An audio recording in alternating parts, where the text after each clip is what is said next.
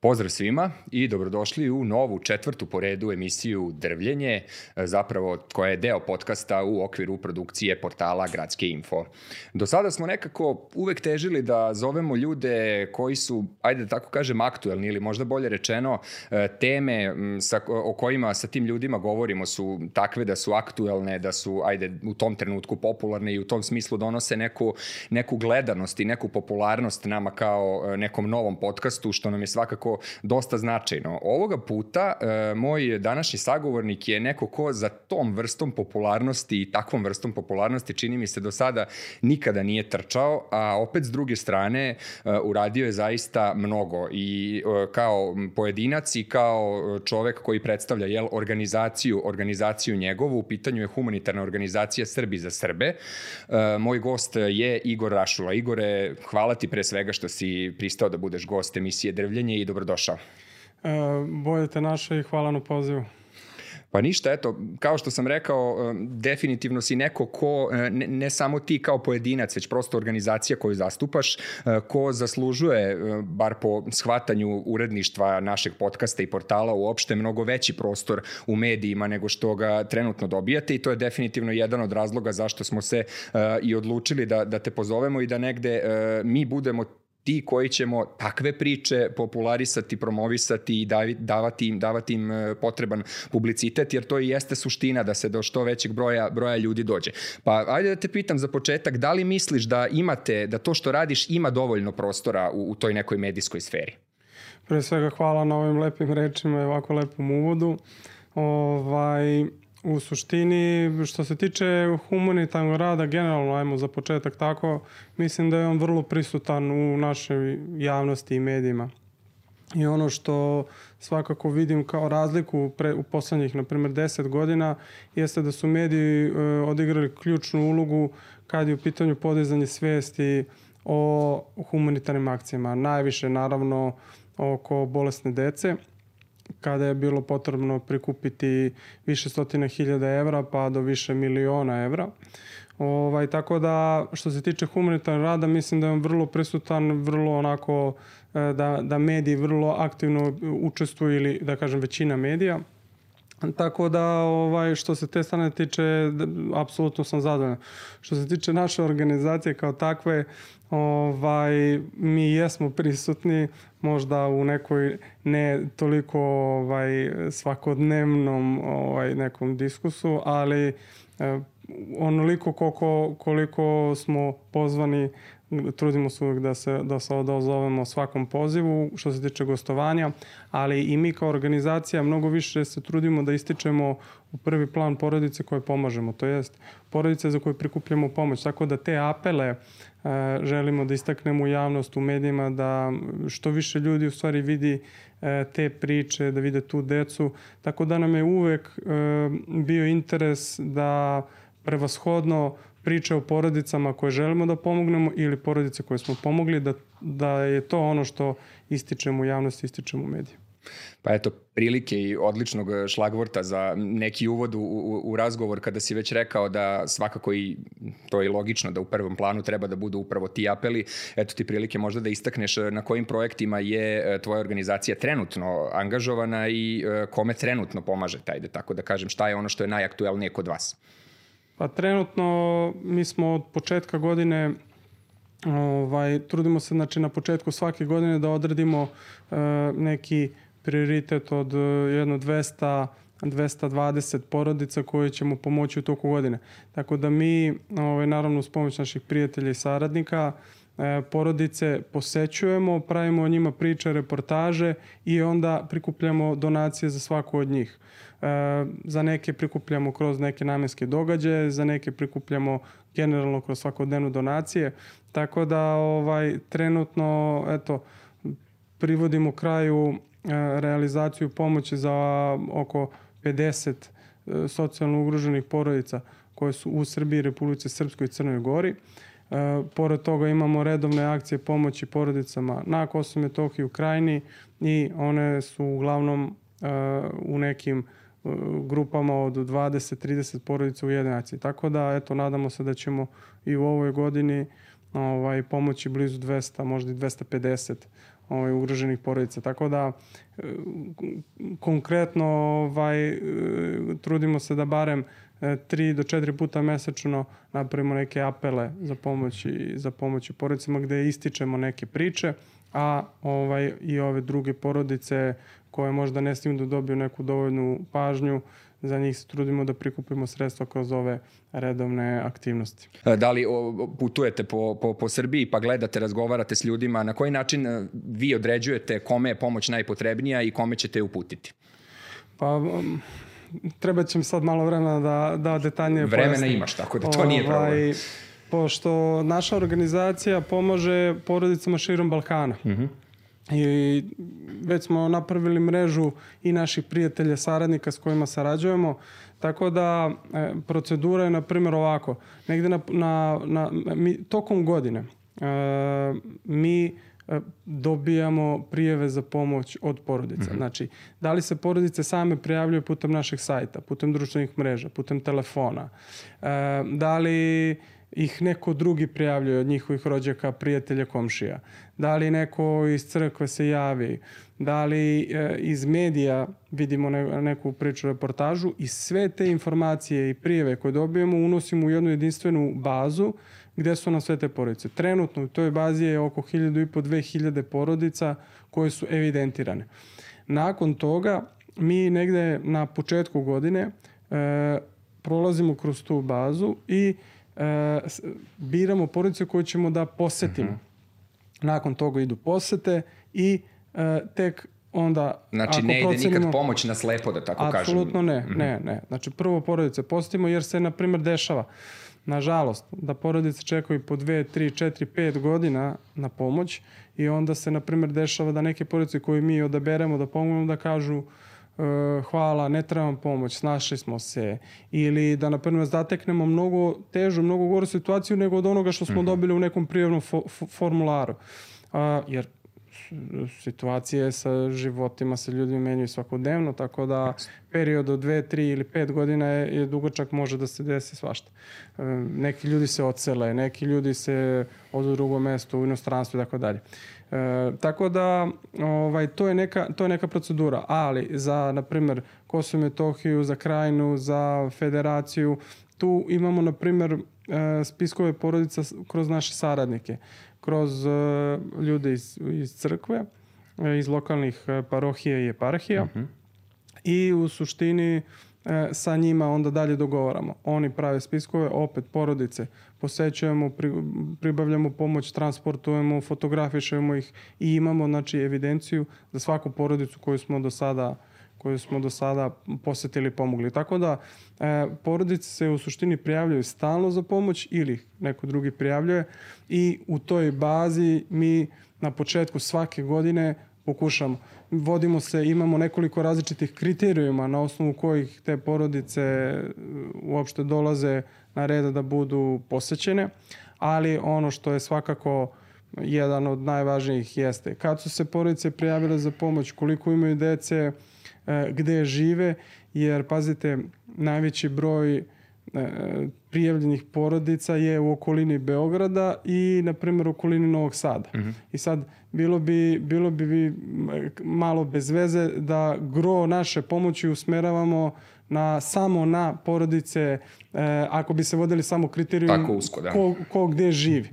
Ovaj, tako da se trudimo da se, da se vodimo i tim nekim geografskim e, kriterijumom Tako da e, porodice pomažemo i po različitim e, selima, mestima zabačenim, jer u suštini i to je jedna, e, jedna prosto teškoća za ljude i za posao, i za decu, i za generalno život.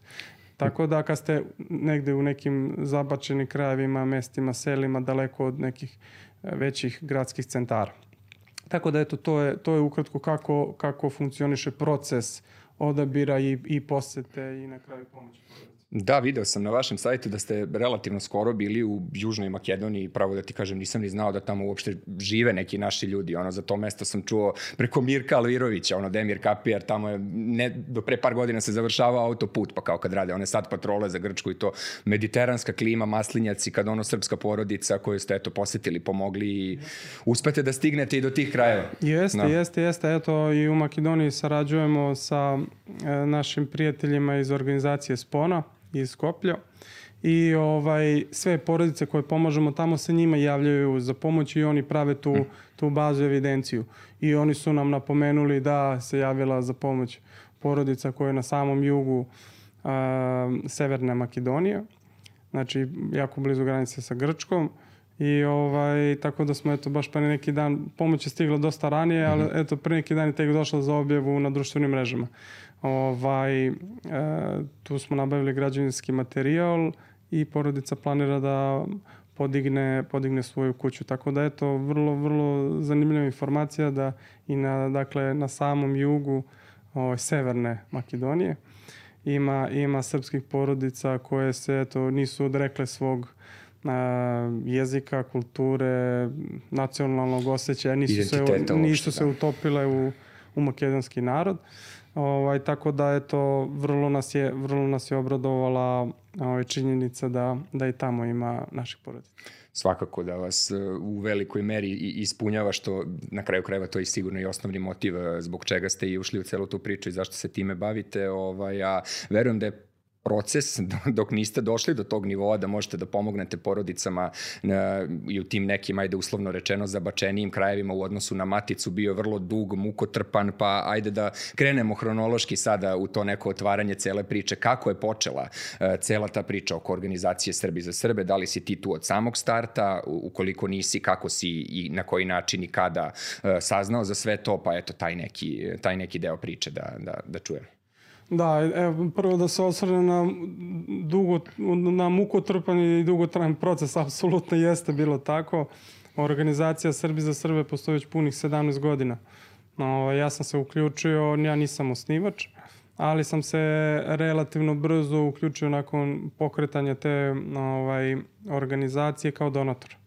E, organizaciju su pokrenuli ljudi u dijaspori, naravno sa nekoliko ljudi odavde iz Srbije, Republike Srpske i Crne Gore, ali mahom su to bili dakle ljudi iz Nemačke, Amerike, Kanade, Švedske, mm -hmm. Norveške. E, I pokrenuli su je sa željom da prikupe, da prikupljaju e, novčanu pomoć i da pomažu ugrožene Izvini što ćete prekinuti. Kažeš ljudi iz dijaspore. Uh, to je neka 2005. 6. godina, ako si rekao 17 godina. 2005. Na koji način? Kako su se oni okupili? Tad nije bio internet toliko razvijen koliko je danas. Nije, mislim. bio, nije bio internet toliko razvijen. Društvene mreže, ili, tako? Ili društvene da. mreže nisu ni postojale. Ovaj, ali ono što je, što je tada bilo najaktuelnije kao neko mesto okupljanja naših ljudi u, u inostranstvu, u dijaspori, mm -hmm. jeste bio taj Serbian Cafe sajt. Pa sećam se toga, Se, da. E, Serbian, čak i mnogo ljudi iz Srbije tamo učestvovalo i to je prosto pra bila... početci interneta u Srbanja. to je možda pra početak jedne društvene mreže. Mm -hmm. Ovaj, I svakako, ako ste hteli negde s nekim da komunicirate na bilo koju temu, e, otišli ste na, na forum Serbian Cafea i tamo je bilo desetina različitih tema koje sad već koga šta zanima, kultura, sport, politika, istorija i tako dalje. Na jednoj od tih tema su ljudi e, pokrenuli neku, neku priču za, za pomoć porodici jedno iz Kragujevca sa petoro dece. I iz te neke polu neformalne konverzacije je nastala inicijativa da prikupe novac između sebe putem Paypala i da pošalju uh, preko Western Uniona jednom momku iz Mladenovca koji će da ode da kupi hranu i da to sve fotografiše. I ta prva akcija je zaista bila ovaj, onako specifična jer se u suštini niko tu nije poznavao ni sa kim. Znači to su diskutanti koji su pod nekim imenom ili nadimkom e, ne može da se vidi ni ko gde živi, tako da na, na jedno veliko, veliko poverenje čitava ta akcija ja. Da. pokrenuta i ono što je najvažnije je vrlo transparentno realizovana.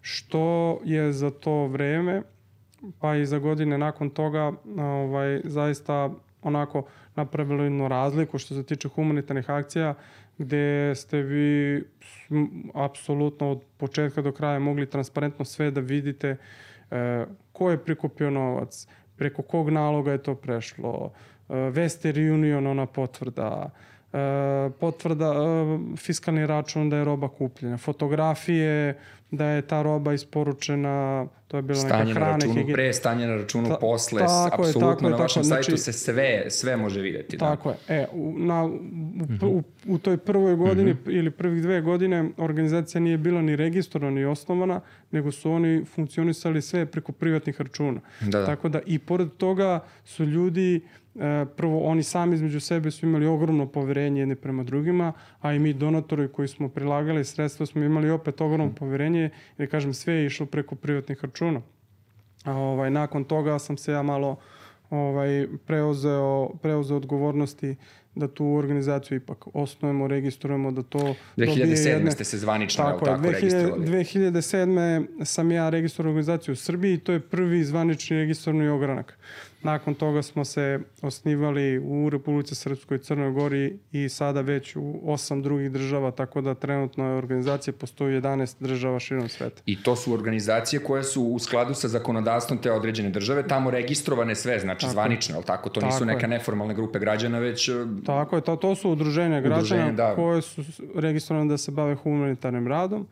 Um, sve imaju u nazivu Srbi za Srbe. Uh mhm. -huh ili na svom tamo lokalnom jeziku ovaj, u zavisnosti od zemlje gde, gde se nalaze i ovaj, velika većina ogranaka ima i taj, te neke poraske olakšice uh, za sve donatore koji priložu donacije, tako da uh, na primjer u Americi, u Kanadi mm -hmm. i Nemačkoj uh, vi ako napravite donaciju 10, 20, 50, 100 evra, 1000 evra u toku godine, E, donator može da jedan deo svog poreza, e, ličnog poreza prema državi smanji i otpiše da li sad za, za tu cifru mhm. -huh. ili u nekom određenom procentu, to sad zavisi po njihovim pravilima. Tako da organizacija je de, de facto u, osnovana u 11 različitih država e, kao lokalna organizacija, ali mi naravno svi radimo pod, pod, jednim, ovaj, pod jednim imenom kao jedinstvena,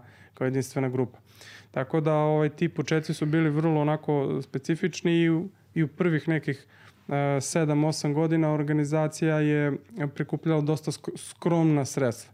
Znači, mi smo u prvih, na primjer, tri godine pomogli, na primjer, ukupno 10 porodica. To je bilo, znači, pomoć odabrali smo bili tri ili četiri porodice koje smo pomagali po nekoliko puta u toku godine. Mm -hmm. I uglavnom su to bile ili neke novčane donacije ili pokrivanje E, nabavke neke hrane, higijene, znači nešto najosnovnije. Ali i pored tih, da kažemo, skromnih akcija, sve se radilo javno i transparentno. Ubrzo je napravljen sajt i onda, su, onda smo počeli da pišemo priče o tim porodicama. Fotografije, račune, transakcije, mesečne izveštaje, potvrde, mesečne, da. pod, znači sve smo radili kao da je to neki, neki, neka ozbiljna državna institucija. Ono što, što nas je apsolutno izdvojilo u tim samim početcima, kažem, jeste ta potpuna transparentnost i naravno mi smo to unapređivali kako i tehnologije unapređivana, kako nam je sajt unapređivan, kako su došle društvene mreže. Mi smo taj proces e, transparentnosti i otvorenosti generalno u, u našem radu se trudili da unapređujemo. Prosto kako bi uh, i sebe zaštitili od bilo kakvih uh, problema, kako bi ispoštovali sve zakonske norme, kako ne bi naše volontere u drugim državama doveli u neku neprijatnu situaciju i na kraju krajeva kako bi prema donatorima prema porodicama koje obožavamo bili apsolutno čisti. I eto, nakon tih, nakon tih 17 godina mislim da ovaj, je taj potez naših osnivača ili ljudi koji su pokrenuli organizaciju da od samog početka sve bude javno i transparentno bio u stvari to je onaj ključni potez koji su oni napravili. Jel, e, I pre i posle toga su bile desetine i stotine e, istih ili sličnih organizacija, humanitarnih, nacionalnih, ovakvih, onakvih. Ali e, ni jedna ni jedna apsolutno, baran do tad ili u to vreme ili u narednih deset godina, nije javno prikazivala sve. Čak, ajde, i, i do dan danas mi idemo, mi idemo bukvalno toliko da u jednom PDF dokumentu za svaki naš ogranak prikazujemo svaku, apsolutno svaku transakciju. Znači svaki ulaz mm -hmm. donacije i svaki izlaz donacije. Uz opis gde je otišao, kolika je provizija, znači, na primjer, neko donira 10 evra putem Paypala. Upišemo da je stiglo 10 evra, ali trošak te donacije je na primjer 0,68. Da. Upišemo 0,68 jer je zaista to tako. Tako da i svaki naravno trošak uh, se ovaj, pravda na našem sajtu kroz račune, tako da svako može da, da proveri da li je to administrativni trošak, da li je pomoć porodicama ili nešto drugo. Sve uredno onako evidentiramo, beležimo na sajtu. To sam, to sam apsolutno i, i primetio negde u pripremi emisije, prosto ono, pretraživajući vaš sajt, da apsolutno sve može da se nađe i negde je sigurno to i osnova zbog koje ste izgradili toliko poverenje kod ljudi i jeste nešto revolucionarno u tom nekom smislu, ali sam teo da te pitam, prosto ubeđen sam da i negde verujem, a ti ćeš me e, demantovati ako grešim, ali mislim da nažalost ne grešim, da i pored toga sigurno nailazite na brojne neke sujetne komentare i na nepoverenje i na ljudi koji vas kritikuju čisto radi kritike kritike i da li toga ima i kako se nosite sa tim? Da li pored toga što ste prosto zaista sve stavili na uvid i dalje postoje neki ljudi koji eto možda iz svog nekog ličnog nezadovoljstva samim sobom ili e, čega već vam ne veruju, preispituju i ono upućuju neku zlobnu negativnu energiju, komentare i uopšte e, šta imaš da kažeš na to? Pa naravno da postoji. no, ovaj, kritike, hvala Bogu, u našem narodu nikad dosta.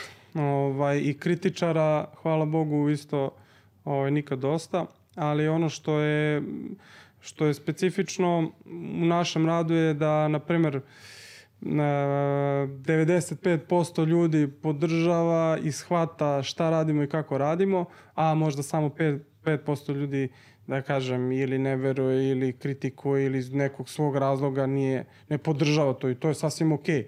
Niti niti smo mi napravili organizaciju da bi sad E, se bavili tuđim mišljenjima ili, ili nekim, nekim ovaj, komentarima. To je prosto jedna, jedna svakodnevnica kako u, u životu svakog čoveka, tako i bilo koje organizacije. Mi smo na sreću u poslednjih nekoliko godina zaista izrasli kao organizacija i u ljudskom smislu i u smislu donacije u smislu obimu pomoći, tako da je sasvim normalno uh, i za očekivati da će neko da se javi da kaže čekaj zašto njima, ne meni ili zašto, zašto ste ovo radili, a ne ono. Jer e, na kraju krajeva i te društvene mreže su omogućile ljudima koji ništa, nemaju nekakve, ne, neke konkretne akcije, da omogućili su im pristup e, da oni mogu da sednu za računar ili, ili telefon, da napišu šta god požele e, i da, da, to, da to prosto bude tako. Znači, I da za to nikome ne odgovaraju. I da to za nikome ne odgovaraju. Tako da, ono, e, ono što je, što je do nas, mi se trudimo da svakome damo odgovor, ali naravno ovaj, neko, nekome niti odgovori ne, ne odgovaraju, nisu dobri, prosto to je, to je sve norma. Ali kažem, to su, to su zaista redki, redki primeri jer, svako, jer e, vi kada ljudima napravite kuću, kada kupite neki, neko pokućstvo, je plastenik, e, prostor za kritiku je ne, neverovatno, neverovatno mali. Naravno, e, ima tu, i, i nađe se, naravno, jer pazite, ima tu, pro, mi generalno živimo u siromašnom društvu, generalno. I sada vi dođete u jedno mesto gde ima, na primjer, 300 kuća. Od toga sigurno 250 kuća teško živi. Vi ste sad došli pomogli jednu koja teško živi, ali 249 mm -hmm. i dalje e, su u istoj situaciji i vi njih isto A ne pomoć. možeš da pomogneš svima. Ne možeš da, da. pomogneš da. svima, nemaju svi po ne znam troje, četvoro, petoro dece e, i tu u suštini dolazi do, do problema. I to je razumljivo. Znači, mi niti se na nekog ljutimo, niti, niti kad su ono, tako neko komentari, prosto i to treba da se nekako pregrmi. E, nažalost, dešavalo se da i deca koje smo pomogli imaju problema, da li u školi, da li ih neko sad zadirkuje, eto su oni što pomažu, mm -hmm. ali to je kažem, e, to je sve jedan, jedna, jedna strana eto, tog nekog humanitarnog rada koja, kroz koju mi moramo da i prođemo i prolazimo i prolazit ćemo sigurno u budućnosti. Ovaj, ali ja kažem, to je sve i u, i u ljudskoj prirodi, sve to normalno. Ovaj, ali nije to ništa što bi nas sprečilo da ljudima pomažemo. E, svakako najveći broj tih nekih negativnih komentara su uglavnom vezani za roditelje. Ovaj, dakle, da su roditelji problematični i tako dalje i da su oni na kraju krajeva zaslušni zašto neka porodica živi teško. I u najvećoj meri, u najvećem broju slučajeva možda to i jeste zaista tako. Ali to opet, e, zašto bi nas to sprečavalo da, da porodici pomognemo? Zašto bi nas sprečavalo da deci obezbedimo pristojne uslove za život? Ok, ako su roditelji iz bilo kog razloga e, uradili nešto loše ili radi nešto loše prema sebi, prema svojoj deci, ok, ali daj, verujem da ih je svi i kritikuju i šikaniraju i tako dalje i kažnjavaju, ali daj da vidimo šta mi možemo da uradimo bolje, šta mi možemo da uradimo ono što će možda doneti promenu ne kod roditelja, nego kod dece da oni ne budu u takvoj situaciji, da oni imaju svoje porodice, da budu zdravi, da budu uspešni. Moram i ovde da te prekinem zato što si mi, e, podsjetio si me na jednu dosta bitnu stvar koju sam primetio kod vas, opet kažem ispravi me ako grešim, ali čini mi se da sam u nekom od tvojih e, nastupa čuo upravo ovo, da, znači, da i tu postoji neki odbrambeni mehanizam, u smislu vi e, te kuće koje obnovite, donirate, sagradite i tako dalje, prepisujete na decu, jel tako, i ne postoji mogućnost otuđenja tog objekta ili čega god da ste donirali, dok najmlađe dete ne navrši navrši 18 godina, što u, u samom smislu i sprečava roditelje ukoliko su problematični i ukoliko su i oni negde razlog zašto porodica teško živi, siguran sam da ima i takvih slučajeva, ali u, u nekom direktnom smislu im, o, o, jel da kažem, e, izbacuje to, odba, nemaju tu mogućnost da, da, da to uh, raskuće, otuđe i tako dalje. Tako da? je, tako je. Smanjujemo, Smanjujemo mogućnost, mogućnost na, da. na najmoću moguću meru, ali i pored toga ljudi ako su, ako su roditelji namirili da nešto urade mm -hmm. loše, oni će uraditi i nateraće svoju decu ili ono, e, prisilići ih da nešto se, nešto se loše uradi. I naravno bilo Koliko ste imali takvih primjera? Pa imali smo, imali smo nekoliko, a to je zaista nekoliko mm -hmm. ovaj, jako ružnih i loših primjera. I ovaj, ja u suštini ne krijem da, da, je, da je toga bilo, opet prosto ne našom krivicom, nego naša, naša želja, naš pristup je uvek da činimo dobro i da uradimo nešto dobro, nešto lepo, plemenito. Ali naravno ovaj, ljudi koji, roditelji, koji nisu toga svesni ili prosto imaju, imaju neke druge fikcije u glavi, nešto sa tim loše ljudi. Kažem, bilo je nekoliko loših prema kada su ljudi prodavali nešto što, neku pomoć koju smo mi obezbeđivali, uh, E, opet i, i mi kad smo ih nakon toga, nakon saznanja da se to desilo od komšija, od prijatelja, opet kontaktirano, pa čekaj, pa zašto si to? Pa napravili smo ugovor, ovo, ne, ne, pokrenut ćemo tužbu. E, ljudi kažu, izvini, ja sam prodao, treba mi da kupim hleb i mleko deci. I ajde sad mm -hmm. ti, ajde sad ti šta ćeš da radiš. Odredi šta je važnije. Jel? Šta je prioritet? Da. Hoćeš ti da upravljaš njihovim životima? Je, tako. tako da je u suštini dešavalo se, ali to su zaista redki primjeri, jer e, mi smo, na primjer, do sada pomogli više od 3000 porodica. Mnoge porodice smo pomogli po nekoliko puta. Uh mhm. -huh. Ovaj, na početku sam re, i rekao, to su bilo uglavnom skromnije pomoći, dali neka, neki frižider, krevet, kad je organizacija bila ovaj, u mogućnosti da pomože više, tada smo se kod neke porodice i vraćali, pa zato kažem nekoliko puta smo neke porodice pomagali. Ali u suštini od tih 3000 uh, porodica, tek nekoliko je bilo zaista, zaista ono problematični gde su ljudi uh, tu pomoć koju smo mi obezbedili uh, prosto potrošili na ono št, na šta nije bilo predviđeno. Opet, možda su oni uzeli pa su zaista deci kupili hranu pa su platili neki račun. Ne mora da znači uh, direktno da su i sa tim novcem nešto loše učinili, ali svakako nije korektno i nije, nije bilo fair da, da bilo koju pomoć ovaj, prodaju ili sa njom rade nešto šta nije bilo dogovoreno, šta nije bilo planirano. Ali, kažem, zaista su redki primeri i to je prosto i normalno, jer mi e, idemo kod porodica koje su u najtežim socijalnim i ekonomskim Aha. situacijama. I prosto neko kad je, kad je u problemu, on ne može ni trezveno da razmišlja, ni trezveno da, da deluje. E, u problemu je u svakom smislu, a mi prosto niti smo psiholozi, psihijatri, mi ne, nismo stručnjaci za humanitarni rad ili za rad sa ljudima.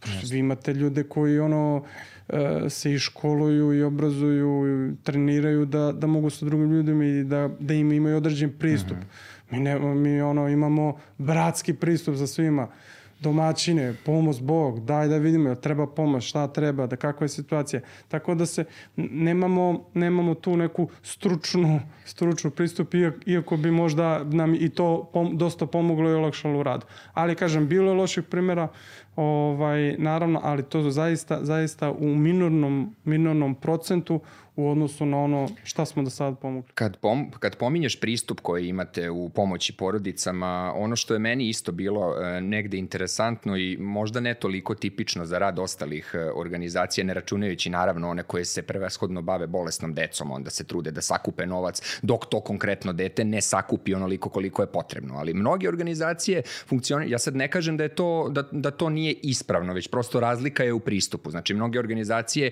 će da kupe, lupam, 100 e, džakova brašna i da ih podele stotini porodica. Vi ste s druge strane organizacija koja će umesto toga da sakupi da jednoj porodici izradi kupatilo ili kuću. Ili, e, što je još važnije, vrlo često ljudima obezbeđujete neku mogućnost da započnu sobstveni biznis i da onda samim tim i ta pomoć negde bude samo održiva, jel tako, u nekom narednom periodu i to je prosto neki pristup za koji ste se vi opredelili. Pa eto, zašto, zašto taj način, a ne uh, ovaj drugi, e, da gledate da sa, manjom, sa manjim iznosom pomoći pomoći pomognete većem broju broj. porodica. Da. E, pa u suštini to nas sad opet vraća na početak rada organizacije. Mi u prvoj godini zaista i jesmo tako radili. Mm -hmm. Znači, obezbeđivali smo novac, dali za hranu, za higijenu ili su ljudi dobijali neku, neku novčanu pomoć. Ali smo već, znači, na kraju te prve godine, znači to je relativno brzo, shvatili da ta pomoć nije efikasna.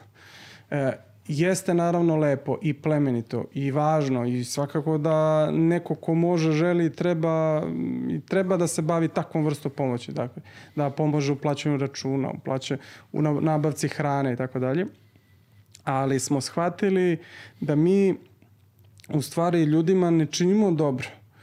Jer u jednom dugoročnom periodu uh, od ljudi e, pravimo mekušce, koji sede i čekaju pomoć. Sede, sede i čekaju hranu. Sede i čekaju da im neko plati račun. Uh mhm. -huh. Sede i čekaju ne znam ja šta čekaju.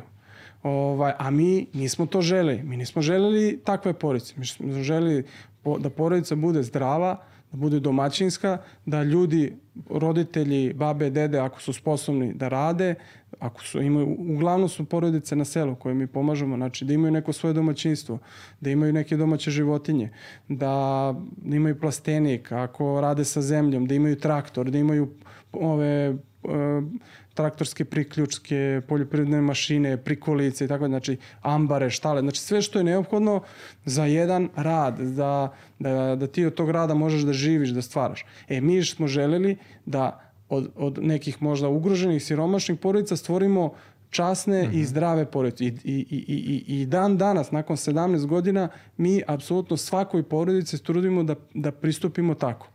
Ovaj, dakle, da porodica može da od naše pomoći živi i radi. Naravno, veliki procenat ljudi koji nam se javlja, javlja se radi rešavanja stambenog mm -hmm. pitanja. Znači, da li imaju kuću koja je oronula pa treba da se sredi. Jer jedno je kad ti kupiš, na primjer, 10 džakova brašna, šećer, ulje, e, pelene, higijenu i tako dalje. To je super. I ljudima to treba, ali to će se potrošiti. Ali se potroši, da. Ali uh, kuća ne može da se, ono, potrebno mnogo novca da se sredi. Ti ako imaš 200, 300, 500 evra mesečno, ti od toga ne možeš još da kupiš 1000, 1000 i po evra ili 3000 mm. evra građanskog materijala, pločica, da dođe majstor da, da ti poveže, ne znam, cevi, da ti napravi kupatilo, da popravi krov, da kupiš, da kupiš ovaj, crep i tako da.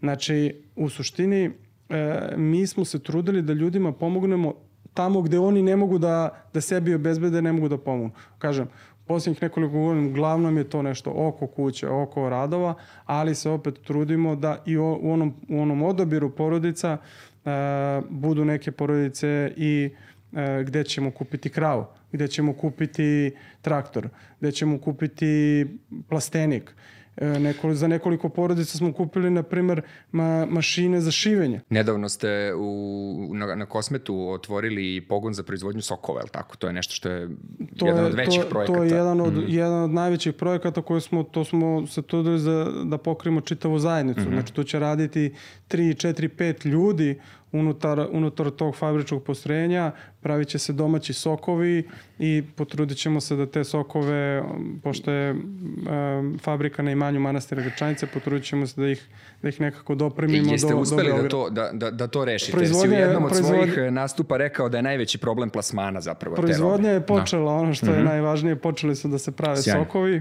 Ovaj, sada u suštini dosta toga zavisi od eparhije Raško-Prizinske, da li će ona uspeti da tamo sa lokalnim vlastima uh -huh. nađe način da, da ta roba ne bude uh, ocarinjena i da se ne plaća dupli porez da bi došao do Beograda. Yes. Tako da, eto, to je trenutno u, u nekoj pripremi i razradi zavisi malo i od eparhije, pa eto, koliko god budemo mogli pomoći.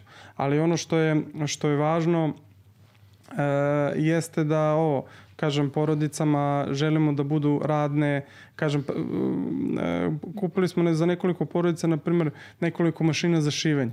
Oni su to toliko unapredili i razvili, počeli su ono da rade za neke firme, počeli su, znači došli su do, do velikih prihoda do koje niko im drugi ne bi mogao nikad ovaj, obezbediti. I, I u suštini to je neki naš ultimativni cilj. Da svaka porodica koju pomognemo ili velika većina porodica da budu nezavisne, samostalne, da ne zavise ni od pomoći države, ni od pomoći drugih organizacija ili nekih pojedinaca, nego da budu ono ljudi domaćini, da mogu da se da, da mogu da rade, da se bore i koliko ko radi da, da toliko uspe i da, da prihoduje za sebe i za svoje. Jasno.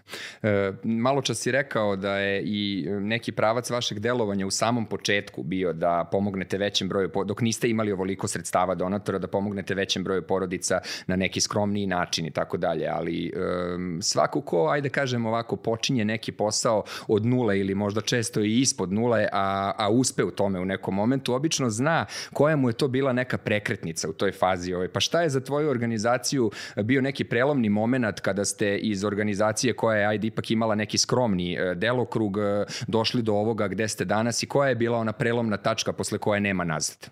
Prelomna tačka je bio maj 2014. godine kad su krenule ove nesaće poplave, poplave mm -hmm. u Srbiji i Republice Srpskoj. Mi smo se, mi smo se znači, do maja 2014. godine razvijali i unapređivali nekim, nekim postepenim tokom i to je išlo dosta onako polako i, i postepeno. Ovaj, mi smo znači od 2005. do tog maja 2014. Uh, e, ukupno za svih tih uh, koliko uh, 5, 9, znači 8, 8 no, 9 no. godina uh, prikupili negde oko 300.000 evra donacije. Uh, I u maju 2014. godine kreću poplave, neki naši prijatelji, donatori nas mole da se uključimo i uh, ajde, kažem, pokrenuli smo, pokrenuli smo tu akciju opet misleći, ajde, barem nekom da pomognemo skromno, nešto ćemo uraditi, tad nismo ni znali šta, mislim, pola zemlje je plivalo pod vodom, prosto niko ni znao kako mhm. će šta da se pomaše.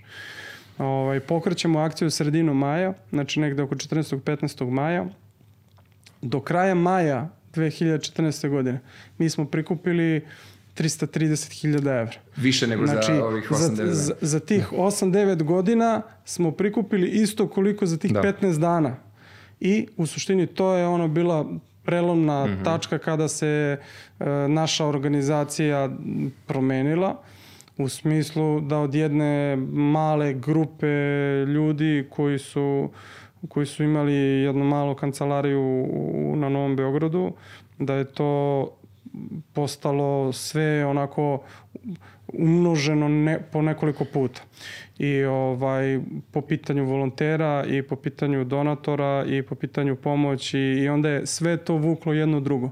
Mi smo postepeno počeli da zapošljavamo ljude u organizaciji jer smo shvatili da da bi prvo bilo vrlo neozbiljno sa naše strane da sa, sa tolikim novcem mi smo do kraja te godine prikupili blizu, blizu 800.000 evra.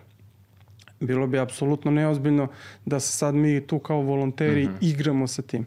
I onda smo ipak želeli jedan sistemski pristup i jednu odgovornost. Znači, ljudi koji su se zapošljavali u organizaciji nosili su i veliku odgovornost, jer su morali konkretno ljude koji su stradali u poplavama da posete, da fotografišu, da snime, da od njima naprave reportažu i da nakon toga pomoć dopreme, donesu. Ovaj, I sve je to prosto zahtevalo, zahtevalo svakodnevni... No, neko ko će time ozbiljno da se bavi, puno radno vreme. Da. Puno, ne, puno, puno I više od punog radno. Svakodnevno da, da. po ceo dan. Da, da. Svakodnevno po ceo dan. A plus, uz te mm. porodice koje su stradale u poplavama, mi smo pomagali i porodice iz redovnog programa pomoći. Tako da je ta 2014. bila jedan, jedan veliki boom. Mm -hmm. uh, hvala Bogu, veliki broj volontera se javio, novih ljudi se javio. Počeli smo da organizujemo veliki broj događaja kako bi opet prikupili što više sredstava i sve nas je to bukvalno guralo i i organizacija je rasla. Javljali su se ljudi iz dijaspore koji su osnivali nove ogranke i sve to za, za relativno kratak vremenski period smo, smo porasli na, na nivo da smo mi znači za, za poslednjih 17 godina prikupili um, preko 9 miliona evra. To vidiš. Pomogli više od 3000 porodica po nekom našem proračunu to je više od 13-14 hiljada dece koje su dobili pomoć. Ali rekao sam, mnoge porodice su dobile i po nekoliko puta. Pomogli smo više od 100 projekata za čitava zajednice, za čitava sela, da li je vodovod, da li je dom zdravlja, narodne kuhinje. E, pokrenuli mhm. smo, pokrenuli smo više od hiljadu, ja mislim, 1300, 1400 različitih događaja smo organizovali širom Srbije, regiona i sveta. E, imamo više od pola miliona ljudi koji nas prate na društvenim mrežama. Tako da je sve su to velike, velike brojke koje svakodnevno, hvala Bogu, rastu i šire se. Sigurno, vi ste definitivno jedni od redkih ljudi u ovoj zemlji koji neće ponoviti onu čuvenu mantru srpskih kontroverznih biznismena, ne samo naših, nego i svih drugih. Ovaj, pitaj me sve osim onoga kako sam došao do prvog miliona, a vi ne samo da e, transparentno prikazujete taj prvi, tako i svaki ostali do ovih devet do kojih ste stigli. Pa eto, pomenuo si i razno razne društveno korisne akcije koje vaše e, udruženje organizuje. Negde čini mi se da je simbol, ono sa čime se ljudi možda najviše uh, identifikuju kada kažu Srbi za Srbe jeste taj projekat Trojka iz bloka. Pa kako je to počelo i do kojih grana je to, ajde da kažem, sada stiglo, s obzirom da nije više samo Trojka, već niz nekih događaja koji imaju taj sufiks iz, iz bloka, pa koliko ste aktivni trenutno na tom, na tom polju i šta se tu dešava? Trojka iz bloka je počela negde 2011. ili 2012. Uh -huh. godine. E, i, po, I bila je zamišljena kao jedan događaj koji neće biti nekog klasičnog tipa ovaj, već više onako sportsko, urbano i tako dalje. Ovaj, pošto je dosta nas bilo tu sa Novog Beograda, hteli smo u, na jednom novo beogradskih blokova da, da napravimo i bilo je kao ajde da napravimo šut, da li da bude e, e, košarka, da li da bude 3 na 3, da li da bude šutiranje trojke. Onda smo rekli ajde najjednostavnije da bude šutiranje trojki, E, da ne bi bilo ono ovaj me udario, faul, sudija nije svirao i tako dalje. I bilo je kako ćemo da nazovemo događaj, ajde da bude trojka iz bloka. Nabavili smo neke stalke, Uh, koji su, nisu bili ni stalci, nego smo na, na obične stolove doneli one, one klupe, ne, ne klupe, nego držače za mhm. lopte, mm -hmm. one drvene iz, iz, iz sala smo doneli i to, nam, to su bile kao imitacija ovaj, nekih stalaka.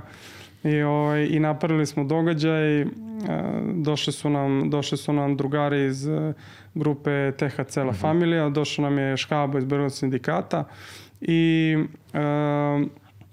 napravili smo kao da bude malo muzike, malo hip-hopa, malo, malo, malo trojke. I, ovaj, I od te, tog prvog događaja trojka iz bloka mi smo u narednim godinama e, sledeći, sledeći turnir je bio Novi Sad, Kragujevac, Subotica, Chicago i od toga se sve dalje širilo iz godine u godinu. Koliko ih je bilo do sada?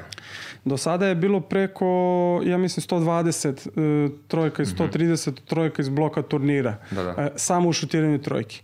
A nakon nekoliko godina ovaj, ljudi, su, ljudi su hteli da organizujemo i neke druge događaje. Jer nisu svi bili za šutiranje trojke. Pikado, stoni Pa smo futbal, onda krenuli pikado, pa odbojku, pa futbal, košarku. I onda smo u suštini zadržali da svaki događaj koji mi budemo organizovali, naši volonteri, naši prijatelji, da bude sa sufiksom mm -hmm. iz mhm. bloka.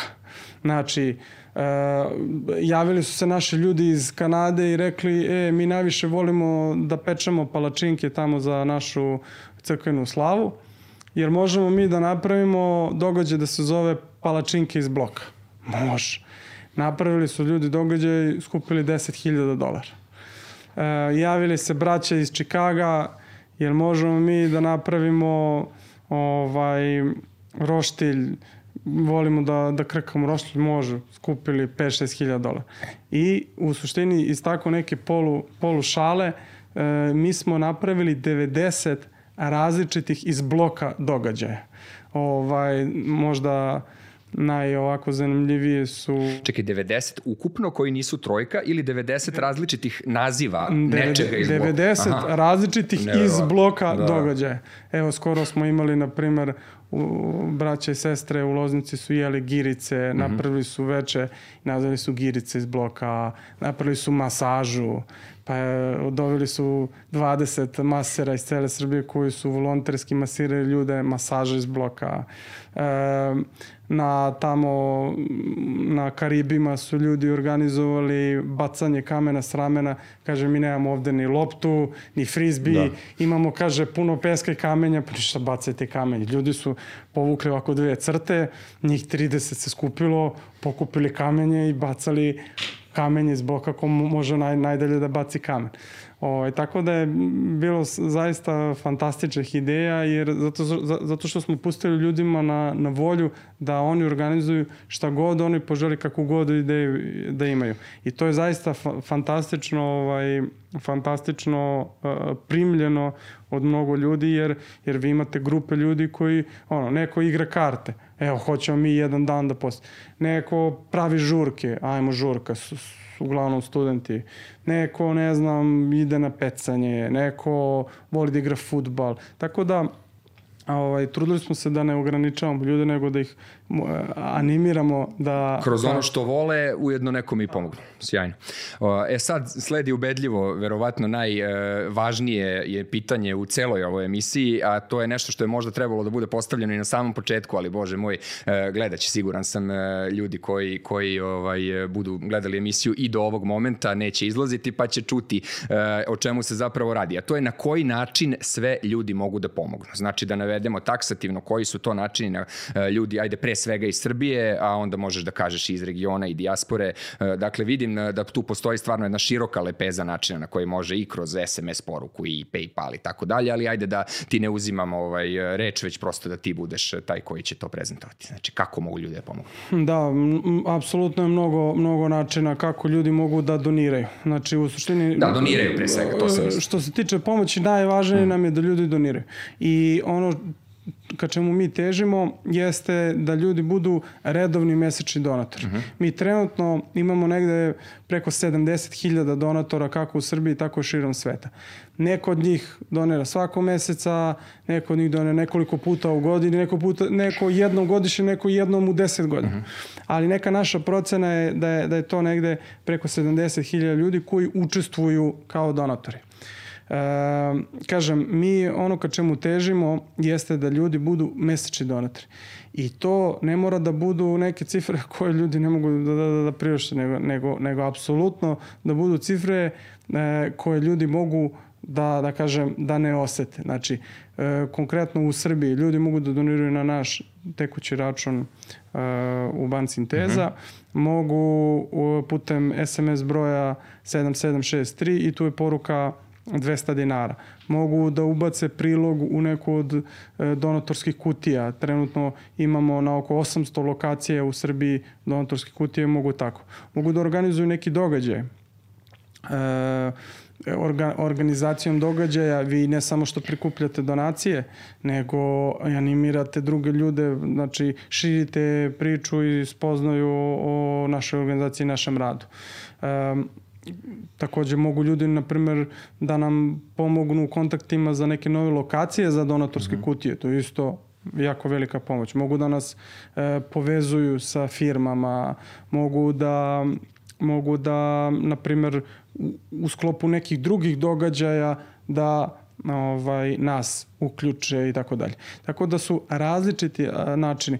Naravno na, na našem sajtu ljudi mogu koristeći kreditne kartice preko PayPala takođe da da pošalju donacije i ono što kažem najvažnije je da se pretplate. Jer u suštini mi želimo da imamo 100.000 ljudi koji će svakog meseca napraviti minimum jednu donaciju. Nije da. bitan iznos. Nije bitan apsolutno iznos, nego da imamo... 100.000 ljudi po 10 evra je jasna računica. Tako je, neka da. bude i po evro. Da. Neka bude i po evro je, mm -hmm. je fantastična računica. Ali svakako mi računamo i na veliki broj naših ljudi u, dijaspori koji mogu da priušte po 10, mm -hmm. 20, 50 evra da, da prilože. E, naravno ima i, ja, i jako lepih primjera i velikih donacija i, i naših ljudi u, u dijaspori. Imamo ljude koji, na primjer, godinama doniraju svakog meseca po 500, 1000 dolara, 1000 evra i tako dalje. Ovaj, naravno imamo i ogromne, ogromne donacije i u Srbiji od, od privrednika, od pojedinaca i tako dalje. Ali u suštini želimo i, i ljudi koji su pokrenuli rad organizacije, oni su čak i na samom početku stavili bili jednu, jednu napomenu na sajtu e, nemojte da donirate više od 50 evra. Mm -hmm To je za mene bilo neverovatno. Rekao, kako je moguće da ti uđeš na sajt neke humanitarne organizacije, klikneš na stranicu donirajte i prvo ti iskoči, ne iskoči napad, ne preteroj, da. polako. Da. Ali ispod toga mhm. -huh. piše molim te, budi, uključi se svakog mhm. -huh. meseca. Jer nama je potrebno da se ljudi uključuju Tako je, svakog meseca. Jer nama se ljudi javljaju svakog meseca, svakog dana. Mi pomažemo svakog meseca. I onda ti je mnogo lakše da praviš i godišnji plan porodica koje ćeš da lakše, da obiđeš. Sve je da. lakše i planirati, mm. i lakše pomagati, i lakše čitavu infrastrukturu rada i funkcionisanja mnogo lakše prilagoditi kada, kada vi imate ta, neke neke isplanirane prihode, neke isplanirane aktivnosti i tako dalje. E, hteo sam te pitam, palo mi je na pamet, e, znam recimo da UNICEF to ima u Srbiji, koliko je to komplikovano i da li to već imate, nisam video da imate, ispravi me ako grešim, ali ljudi su često ono lenji, znaš, setit će se da pošalju poruku kad sad, evo neko ovo bude dramska pauza, u stvari sad jedna, znači svi koji e, gledate trenutno ovu emisiju i držite telefon, a znam da svi ili gledate na telefonu ili vam je telefon pri, pri ruci, e, zaustavite sve što radite i pošaljite eto jednu poruku na, na 7763, jel tako? To neka bude prva stvar. A ono što sam teo da te pitam e, na konto toga je da li postoji neka mogućnost SMS mesečne pretplate? I koliko je to komplikovano da se ostvari, zato što će ljudima će to biti, čini mi se, najlakše. Znaš, ono, pošaljem jednom poruku i ne razmišljam, skida mi 200-500 dinara svakog meseca i ne moram da mislim da li sam poslao ili nisam. Čisto zbog toga. E, to naravno postoji, uh mhm. -huh. ima, ima znači, fondacija UNICEF, ima e, fondacija Budi Human, uh mhm. -huh. ovaj, ali, ali mi trenutno nemamo i evo možda možemo da iskoristimo ovu emisiju da apelujemo na sve operatere i na sve državne Absolutno. institucije koje treba to da nam odobre, da odobre, jer zaista to bi bio definitivno najjednostavniji i najlakši način uh, da, da ljudi doniraju, dakle, da pošalju, na primjer, reč pretplata i da im se tako svakog meseca skida 200 dinara, to nije... I on je jednom to uradio i završio tako priču. Je. Da. Kad, kad ne želi više, može da pošalje stop. Mi nemamo tu mogućnost i mi smo pokušavali nekoliko puta, razgovarali i sa direktorima nekih firmi, uh mhm. -huh. operatera. Međutim, ovaj, to je neka posebna procedura koja, koja zahteva koja zahteva ne znam nija šta. Mm -hmm. Tako da eto, još jednom upućujem javni apel svim operaterima i državnim institucijama da nam to odobre, zaista bi nam bila velika A do tada ajde da, da apelujemo na sve ljude, negde tu polazim i od sebe, jer svakako i u tom smislu moram biti malo samokritičan da sam i sam lenj. Što se toga tiče da ovaj ne budemo lenji dok se to ne, ne odobri i ne ostvari, da eto, se setimo da makar jednom u nekoliko meseci pošaljemo, ako ništa drugo, makar poruku. E, dobro, e, što se tiče, ajde, negde logično kako smo krenuli hronološki, došli smo i do nekog dela emisije koji se može nazvati završnim samim krajem i tako dalje, a to bi negde bilo pitanje kakvi su vam neki dalji planovi za budućnost, na koji način i da li uopšte postoji prostor da negde širite polje vašeg delovanja, da li su to neke nove ispostave u drugim državama, da li vam se javljaju ljudi iz zemalja gde nemate organizacije, novi neki projekti, šta je ono što, što planirate za dalje? E, apsolutno planiramo da nastavimo širenje organizacije u svetu. Ovaj, negde početkom godine smo stupili u kontakt sa ljudima iz Australije. Oni su pokrenuli proces tamo osnivanja organizacije. Sada čekamo dozvole tamo njihove federalne vlade uh mhm. -huh. i nadamo se da ćemo, da ćemo do kraja godine pokrenuti rad organizacije u Australiji. To bi nam bio 11. zvanični, zvanični ogrank, ali svakako e, ima, postoje sigurno još desetak država u Evropi gdje bismo želeli da se osnovemo, da pokrenemo, znači Holandija, Engleska, Rusija, Francuska. Je li ima ljudi Francuska. kojima se javljaju odande? Pa ima mhm. -huh. puno ljudi i mi imamo puno donatora u svim tim mhm. -huh. državama. Mi imamo donatore iz preko 55 različitih država širom sveta u jednoj godini. Da. Ali, je, ali je problem što je ipak za osnivanje, za osnivanje organizacije potrebno nekoliko ljudi, ipak potrebno da se, da se ljudi time, time posvete, da se bave, jer tu ima i administracije, kontakt sa bankom, kontakt sa državom i tako dalje. Znači, mm -hmm. mora ipak eh, jedna, jedna grupa ljudi koja će, koja će time da se bavi. Što se tiče planova u Srbiji, nema šta, nastavljamo plan, na primjer, za ovu godinu, cilj finansijski je da prikupimo 2,3 miliona evra. S obzirom da je prošlo pola godine, jeste prebacili 50%?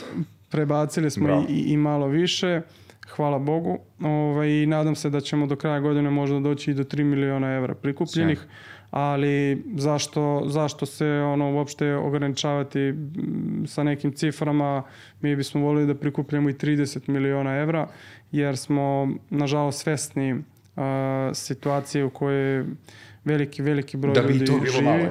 I to bi nažalost mm. bilo malo. I 300 miliona evra da prikupimo u jednoj godini, mm -hmm. nažalost, bilo bi malo. Opet kažem, ne pomažemo samo u Srbiji, već širom Balkana jako, jako teške i potresne priče su naših ljudi u Krajini, naših ljudi u Federaciji Bosne i Hercegovine, u zabitima Republike Srpske, u zabitima Crne Gore, u zabitima Makedonije, a posebno na Kosovo i Metohiji. Tako da, kažem, e, novac je, novac je nepre, nepresušna potreba mm -hmm. bilo koje humanitarne organizacije da bi mogla da radi i da neke svoje ciljeve ispunjava, ali ok, ne žurimo se, nema, nema sad nekog, nekog pritiska. E, mi bismo naravno volili da to sve ide i brže i ono što je danas učinit ćemo, a, ali eto, neka, neka gospod odredi ovaj, kako će se sve to na kraju razvijati. Video sam da, da li je to sad novo nešto ili već duže vreme postoji, ali ja sam negde skoro zakačio da ste počeli da organizujete i donatorske večeri za razno razne konkretne ciljeve, je tako? Pa je jedna od tih donatorskih večeri bila organizovana i u Beogradu upravo za ovo o čemu smo malo čas govorili u Gračanici, taj je pogon za postrojenje, e, postrojenje pardon, za proizvodnju sokova. E, mnoge javne ličnosti se uključuju u rad e, i prosto u doniranje vašoj organizaciji, pa kako kako vam to ide? Da, donatorske večere su samo jedan od događaja koje organizujemo u toku godine. Prošle godine u, u Beogradu smo napravili sa ciljem da izgradimo tu uh mhm. -huh. fabričko postrojenje za preradu sokova u Gračanici. Ove godine smo uh, negde sredinom juna organizovali uh, u restoranu Topčiderac, gde smo okupili negde oko 200 gostiju uglavnom e, privrednika, sportista i u manjem broju nekih, nekih poznatih, poznatih ličnosti. I ovaj, tu, je, tu smo namenili pomoć za četiri socijalno ugrožene porodice u Srbiji. Um, I generalno taj koncept je, je onako jako zanimljiv zato što smo uspeli da okupimo jedan broj ljudi koji do sada nije bio upoznat sa radom naše organizacije, znači došao je na poziv naših prijatelja, naših donatora i onda su, da kažem, imali priliku da vide i kratak film o našem radu mm -hmm. i tu smo napravili jedan mali program gde su ljudi bili zaista oduševljeni sa time ovaj, i sa time što mi radimo i sa generalnom tom, tim događajem. I e, mi ćemo nastaviti sa tim donatorskim večerima prvi, prvo sledeće donatorsko večer će biti u Novom Sadu, negde, negde sredinu septembra, tako da Eto, evo prilike. i ovom prilikom pozivamo sve novosađane da nam se uključe i pridruže. E, i svakako nastavit ćemo sa tim akcijama i u, u dijaspori, jer, jer svakako očekujemo da se i naši ljudi tamo i na taj način okuplja, iako se generalno e, proces prikupljanja sredstava u dijaspori do sada, nevezano od naše organizacije, se oba, o, obično tako i obavljaju. Dakle, na nekim donatorskim večerama, okupljenjima. Za njih to nije toliko strano koliko je za nas, pošto se mi konkretno nismo toliko puno bavili time, ali ovaj, o, prepoznali smo važnost da se i na, i na takve događaje ovaj, ipak e, doći će vam neki ljudi koji možda neće doći da bacaju trojke ili neće mm -hmm. imati vremena, ne znam, da dođu na palačinke ili na futbol. A možda je prosto više i takav ambijent e, odgovara i negde bliži je njima i tome kakvi pa, apsolutno, su... Da. Jer, jer mi okupljamo ovaj, veliki broj ljudi od 15 godina do 65, 70 godina i onda nisu svi događaji za sve prikladni. Jasne. Tako da ovaj, eto, u Novom Sadu se će biti po prvi put ovaj, održana ta, to donatorsko veče. Uskoro ćemo i početi sa reklamiranjem u društvenim mrežama i na našem sajtu, u medijima. I apsolutno pozvaćemo sve ljudi iz Novog Sada i okoline da nam se, da nam se pridruže. Naravno, najviše bi volio da dođu ljudi koji nas godinama podržavaju u, u Novom Sadu, ali i da dođu ljudi koji ne znaju puno o nama ili ne znaju ništa, da dođu da vide, da nas upoznaju ovaj, i nadam se da postanu deo nas. Možda će neki od njih upravo posredstvom e, ove emisije i ovog razgovora čuti za vas. Ako je jedan čovek e, bude rezultat e, toga da dođe na to donatorsko veče u Novom Sadu, ja smatram lično da smo uradili dobar posao Tebi zaista puno hvala za sam kraj na izdvojenom vremenu. E, to bi bilo to, bi bilo to što se tiče ovog razgovora. Puno sreće u nekom daljem radu i ukoliko obaveze dozvole, a to znači pre svega ukoliko budemo u Novom Sadu u tom trenutku ništa drugo ne bi smelo da nas spreči. Vidimo se na toj donatorskoj večeri. Veliko hvala na pozivu i veliko hvala tebi na svojoj dosadašnjoj podršci u radu naše organizacije. Hvala ti puno.